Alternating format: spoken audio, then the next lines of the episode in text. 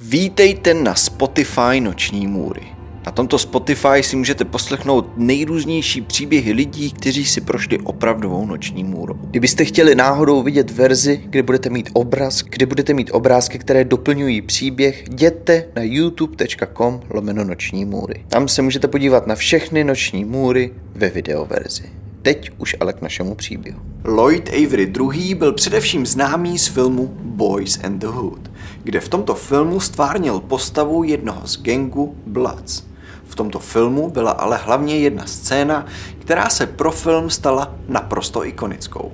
V této scéně Lloyd jako svá postava stáhne okénko a vytáhne upravenou brokovnici a vystřelí na středoškolskou fotbalovou hvězdu Rickyho Bakera. Lloydova postava ve filmu je temná a drsná a Lloydovi ku podivu skvěle sedla ačkoliv byl ve svém osobním životě absolutně jiný. Lloyd neboli Lloyd mladší se narodil 21. června v roce 1969 v Los Angeles v Kalifornii.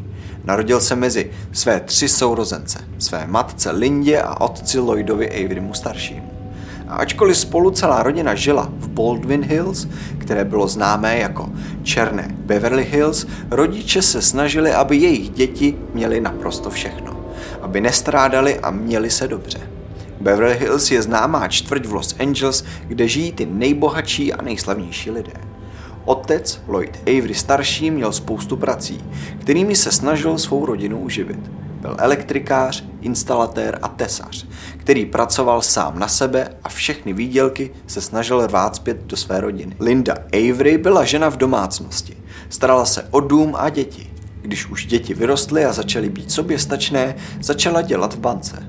A takhle jejich touha mít se dobře a poctivě se vypracovat se naplnila. Rodina Avery měla totiž krásný dům se zahradou a bazénem. Jejich dům byl pro tuto rodinu neuvěřitelná kotva, která držela všechny pohromadě, kde se všichni navzájem o sebe starali. Lloyd mladší a jeho sourozenci navštěvovali jen ty nejlepší školy. Jejich rodiče zkrátka dělali opravdu vše proto, aby dali svým dětem do života ten nejlepší možný start. Kromě školy se také jejich rodiče starali o to, aby děti navštěvovali kostel. Lloyd starší byl totiž velmi věřícím člověkem a věřil, že Bůh je ten, se kterým, když budou jeho děti držet, tak jim ukáže cestu. Celé dětství žil Lloyd mladší v tomto duchu. V duchu toho, že hlavními prioritami je studium, víra a rodina. Že tyto tři věci jsou základními pilíři, na kterých by měl stavět své vnímání světa takže logicky se Lloyd mladší snažil všechny tyto priority plnit.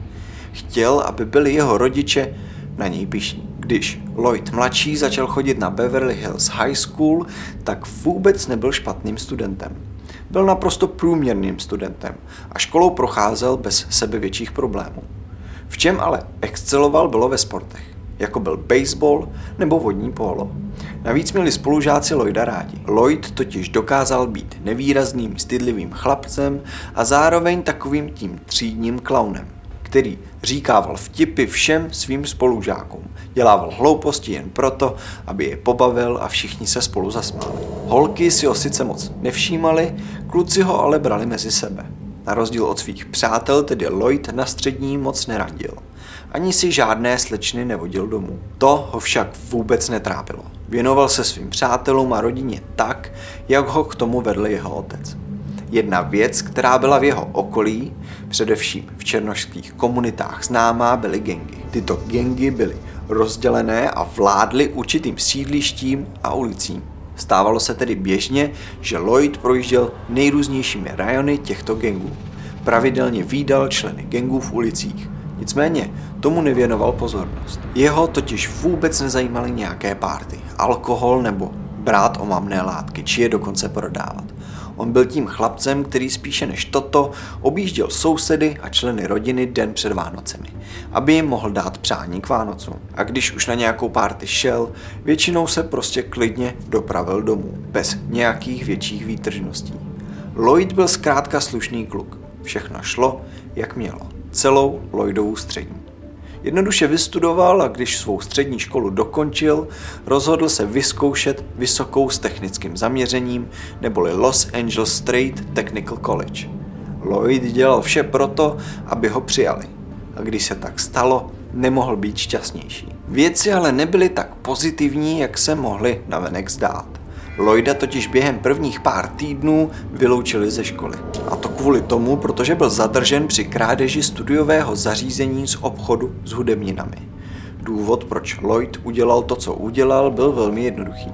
Lloydův otec totiž nesnášel ten fakt, že šel jeho syn na Trade Technical College. Jeho otec totiž chtěl, aby byl jeho syn jako on. Chtěl, aby byl elektrikář, instalatér nebo tesař. Chtěl, aby se tomu věnoval, protože to byl jediný způsob, o kterém bezpečně věděl, že to přinese chléb na stůl. Lloyd to ale nechtěl. Lloyd se chtěl věnovat hudbě. Peníze utrácel za nejrůznější zařízení, díky kterému tu hudbu mohl vytvářet. A když Lloydův otec přišel znovu za svým synem, aby mu rozmluvil jeho rozhodnutí, že v té jeho hudbě budoucnost není, že tím rodinu neuživí, tak se neskutečně pohádali. Vyeskalovalo to tak moc, že Lloydův otec přišel s baseballovou pálkou a rozmlátil všechnu Lloydovu techniku. Lloyd byl naprosto zdrcen. Byl neuvěřitelně naštvaný a celkově to vnímal jako obrovskou zradu. A tak si řekl, že když mě to nenecháš mít, tak si to vezmu. A proto šel pár dnů na to do obchodu s hudebninami, kde se to snažil ukrást. Když ho šel jeho otec vyzvednout do věznice, tak samozřejmě neskrýval, jak ho neuvěřitelně Lloyd zklamal. V tomto nešťastném období se však na Lloyda obrátil jeho kamarád z dávnějších dob. Zavolal mu muž jménem John Singleton a řekl Lloydovi slova, na která tak dlouho čekal. Řekl mu, že natáčí film a měl by pro něj roli, pokud samozřejmě chce. Lloyd měl pocit, že to přišlo přesně v ten správný čas. Přišlo to v momentě, kdy si nebyl jistý, co se svým životem. Na nic tedy nečekal a Johnovi okamžitě řekl, že roli bere. Film, o kterém John Lloydovi vyprávěl, byl film s názvem Boys and the Hood, kde hráli v hlavní roli Lawrence Fishburne a Cuba Gooding Jr. anebo Ice Cube. Tento film popisuje život gangů v ulicích, sleduje osudy tří mladých afroamerických mužů a přátelství mezi nimi. Většinu herců se John snažil obsadit klukama z LA, a to především proto, aby se herci naprosto zžili se svou rolí. Za kamerou mezi svými kolegy byl Lloyd považován za přesný opak charakteru, který stvárňoval na kameře. V zákulisí ho všichni vnímali jako milého, všímavého chlapce, který byl vděčný a ke všem se choval vstřícně. Lloyd měl totiž roli nemilosrdného gangstra. Hrál jednoho z členů gangu a ve filmu měl pár legendárních scén. John však Lloyda naučil, jak na plátně ze sebe vydat všechno zlo, které v sobě měl. Naučil ho, jak držet zbraň jak působit chladnokrevně, jak se dívat, aby z toho ostatním vstávaly chlupy hrůzou. Naučil ho, jak vypadat jako gangster. Naučil ho, jak být gangsterem.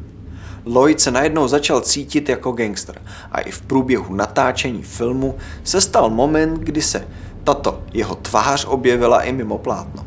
Ve chvíli, kdy Cuba Gooding Jr. chodil po place a chystal se na to, že ve filmu právě uvidí zemřít svého nejlepšího přítele, znamenalo to tedy, že se psychicky zrovna připravoval na tuto scénu.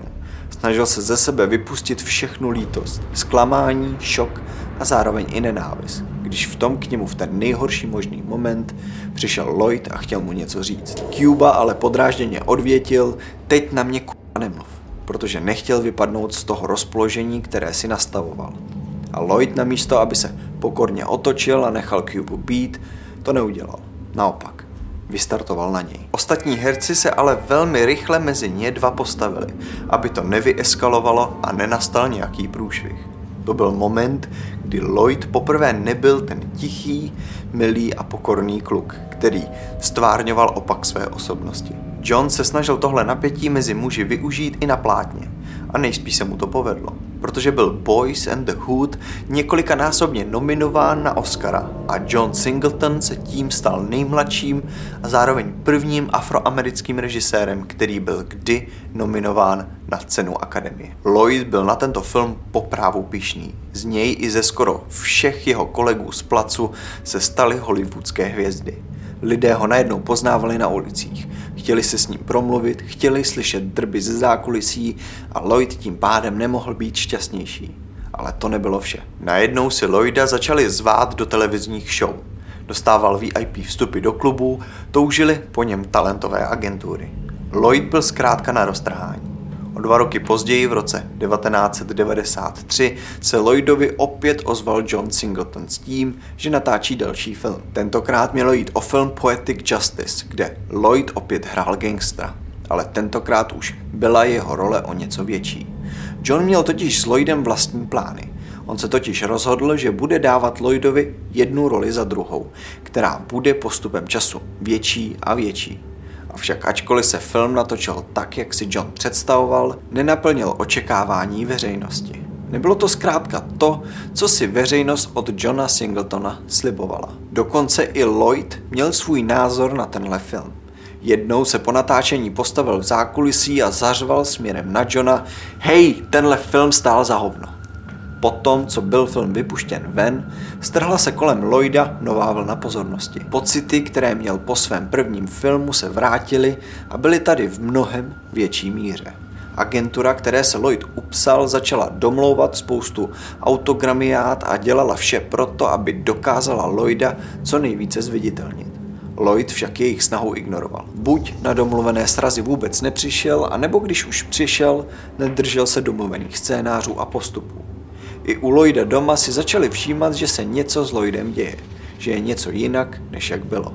Ale dřív, než stačili zasáhnout, tak z čista jasna Lloyd mladší doma oznámil, že se stěhuje. Lloyd se nakonec přestěhoval do jižní části LA, do části zvané The Jungles. Tato část Los Angeles je známá gengy, které této části vládnou. Všichni začali přemýšlet, co se s Lloydem děje. Hlavně začali mít obavy z toho, že bydlí v části, která je notoricky známá potyčkami mezi gengy. O to víc začaly obavy o Lloyda, když se nechal k levému obočí vytetovat je. Měl za to, že význam jeho tetování je jasný. Lidi se ho ale pořád ptali, co to znamená. Tak si nápis nechal dokončit. Měl tak u levého obočí výrazný nápis Jungles.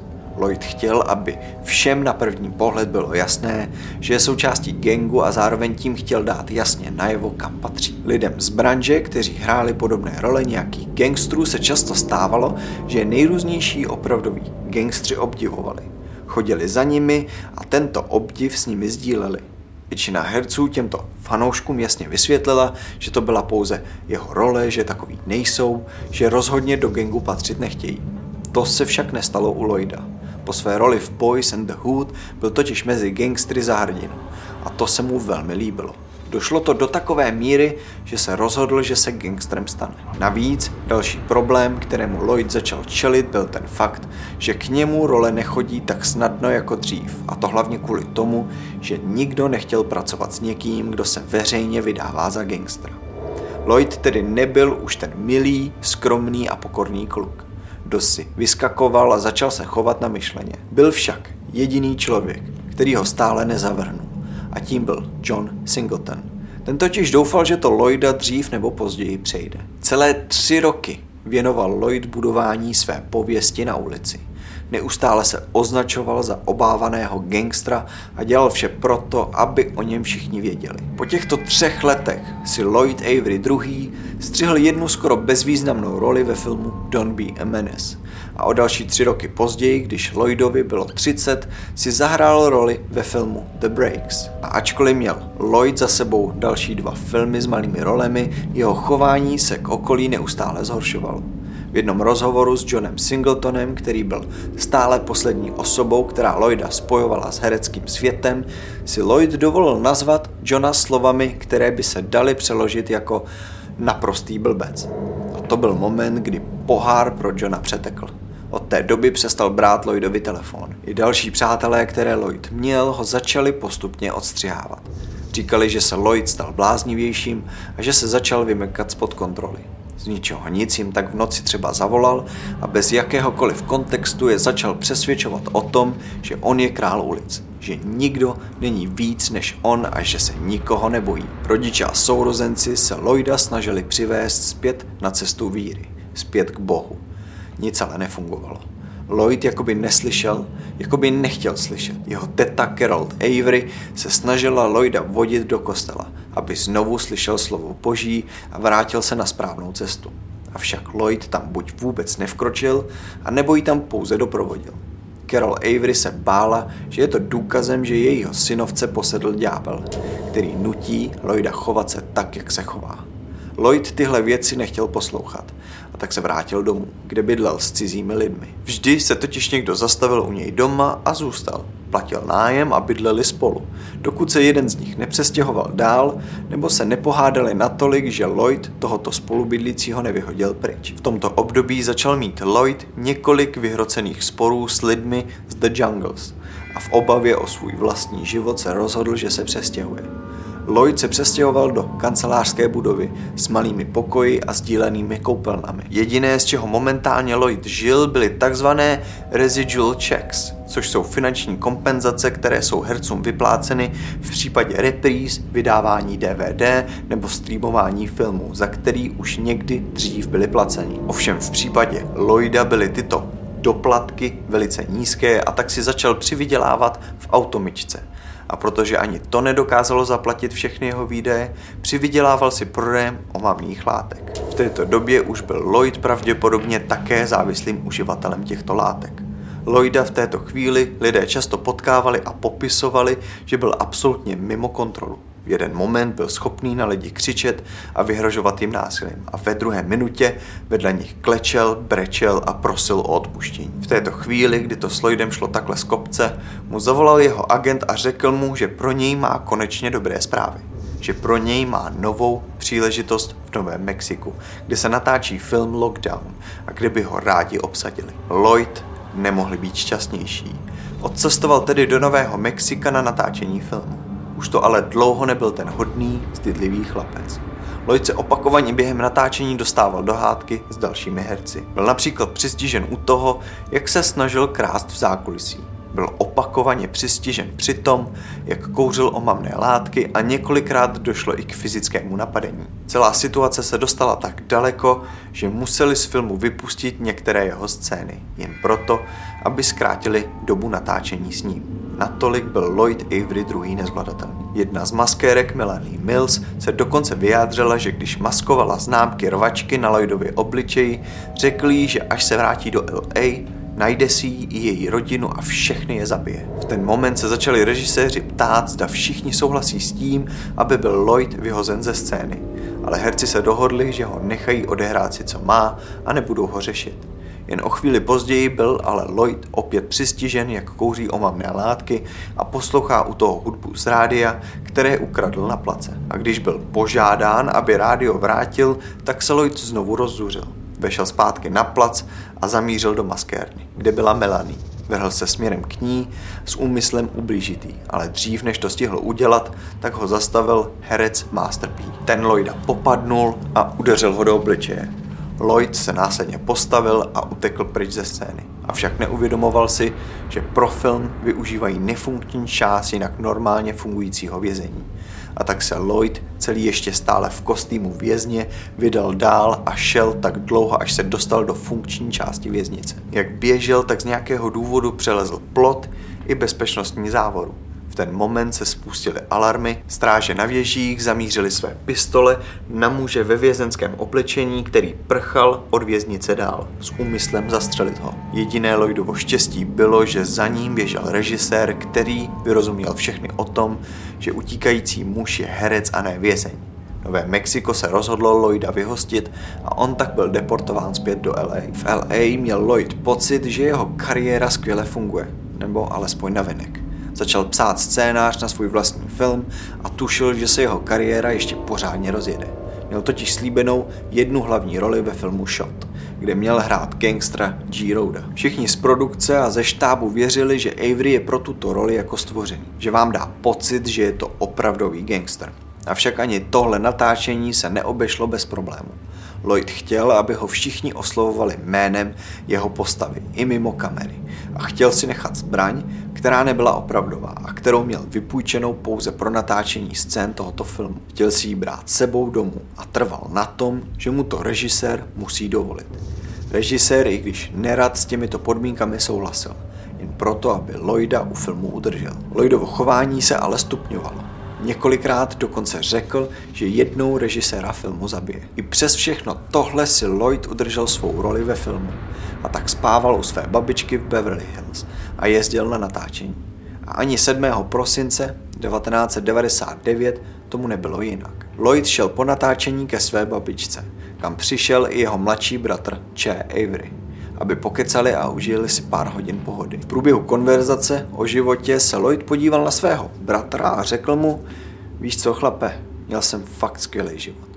Če se tomu zasmál a pokračoval v rozhovoru. Večer ubíhal skvěle a v pozdních hodinách se spolu rozloučili. Če šel do svého pokoje, jejich babička ulehla do své postele a Lloyd si rozložil deky vedle postele své babičky. 8. prosince nad ránem babičku s Lloydem zbudili policisté. Zastavili se se zapnutými majáky na příjezdové cestě před domem. Lloyd se postavil, odešel do pokoje svého bratra a obejmul ho. Če se divil, co se děje. Lloyd však jen odvětil, díky a s bohem. Pak vyšel zadními dveřmi, nasedl na své BMX kolo a projel kolem policejních aut. Když projížděl, tak se zeptal policistů, jak je? Lloyd věděl, že si přišli pro něj a tohle byla jakási jeho forma, jak se nechat chytit. Proti policii neměl šanci. Jeli pro něj a byli odhodlaní ho chytit za každou cenu. Sotva po pár metrech Lloyda dostihli a nasadili mu pouta. 1. července toho roku, roku 1999, okolo čtvrté odpoledne byl Lloyd viděn, jak se přiblížil k Annette Louise a Percy Branchovi, kteří spolu seděli pod stromem poblíž náměstí Santa Barbara. Následně se s nimi začal hádat. Důvodem hádky měl být pravděpodobně nesplacený dluh za omamné látky. Avšak dřív, než si to spolu trojce stihla vykomunikovat, vytáhl Lloyd pistoli ráže 45 a vystřelil z ní nejdříve na Anet a poté na Percyho. Anet Louise zemřela na místě na důsledky svého zranění. Percy Branch přežil další tři týdny v nemocnici díky lékařům a přístrojům. Po třech týdnech však taktéž podlehl svým zraněním. K údivu všech se Lloyd ani nesnažil skrývat. Zabil tyto dva lidi a následně prostě odjel domů. 13 dní po tomto incidentu Lloyd odcestoval na zmíněné natáčení filmu Lockdown, při kterém byl vyhoštěn z Nového Mexika. O rok později v prosinci roku 2000 byl Lloyd Avery II. shledán vinným a odsouzen k doživotnímu trestu. Celá Lloydova rodina nevěřila tomu, že by tohohle byl jejich příbuzný schopný. Po pár týdnech ve vězení se Lloyd začal ozývat své rodině skrze dopisy, ve kterých zněl, že našel znovu sám sebe. Dostal se z dosahu ulice a gengu. Neměl přístup k omamným látkám.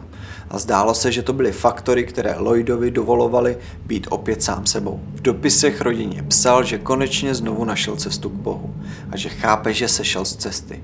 Lloyd ve věznici LA County potkal Denise Clarka. Clark si Averyho poprvé všiml v první řadě během jedné ze svých bohoslužeb. Lloyd opravdu toužil změnit svůj život a byl schopný s těmi správnými lidmi hovořit denně celé hodiny o Bohu. Lloyd sebou všude nosil Bibli, kterou měl celou dokola popsanou svými poznámkami.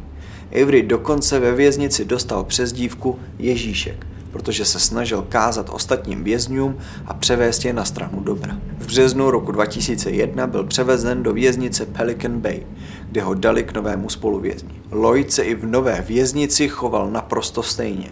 Snažil se kázat a číst Bibli tak často a tak dlouho, jak jen to šlo. V polovině roku 2005 byl Lloyd Avery již uvězněn pátým rokem a byl opět přeložen k novému spoluvězni. Tentokrát jim byl Kevin Roby. Kevin Roby byl v Pelican Bay také na doživotí. Svůj trest si měl odsedět za zneužití a zabití své vlastní sestry. Většinu svého trestu strávil Kevin na samotce, a to kvůli svým neustálým problémům se spoluvězně a kvůli své násilné minulosti. Teď však dozorci usoudili, že je Kevin schopný spolužití a dali ho na celu s Lloydem. Jednoho dne šel jeden z dozorců kolem cely Kevina a Lloyda. Podíval se skrz kukátko dovnitř a všiml si, že je na zemi nějaký znak. Otevřel tedy celu a to, co tam uviděl, si nepředstavoval ani v těch nejhorších nočních můrách. Lloyd Avery ležel na zemi uprostřed obrovského pentagramu, který byl namalován jeho vlastní krví. Všude na zdi byly krví napsány nejrůznější nápisy. Co neuvěřitelného také vyšetřování poukázalo bylo, že Lloyd se neobjevil na sčítání neuvěřitelných 11 dnů. Znamená to tedy, že tělo Lloyda leželo v celé s Kevinem neuvěřitelných 11 dnů. Později se také zjistilo, že když tyto dva muže umístili do jedné cely, nastalo hotové peklo. Lloyd byl křesťanem, který rád hlásal slovo boží. A Kevin Roby? Kevin Roby byl satanistou. Když se Lloyd pokusil přetáhnout Kevina na stranu dobra, vyústila tato debata v hádku a následně fyzický konflikt, při kterém byl Lloyd Avery II. ubyt a uškrcen k smrti. Když Lloyd zemřel, Kevin jej schoval pod deky a další materiál. Tělo tam nechal po dobu 11 dní. Následně s ním provedl satanistický rituál.